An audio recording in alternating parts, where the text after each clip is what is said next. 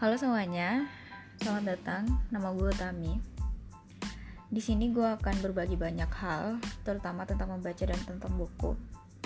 Tapi juga akan sedikit menyinggung tentang pemikiran-pemikiran gue, sudut pandang gue tentang Jakarta dan perasaan gue sebagai anak rantau di Jakarta. Semoga ini akan bertahan lama, gue akan konsisten. Oke, bye.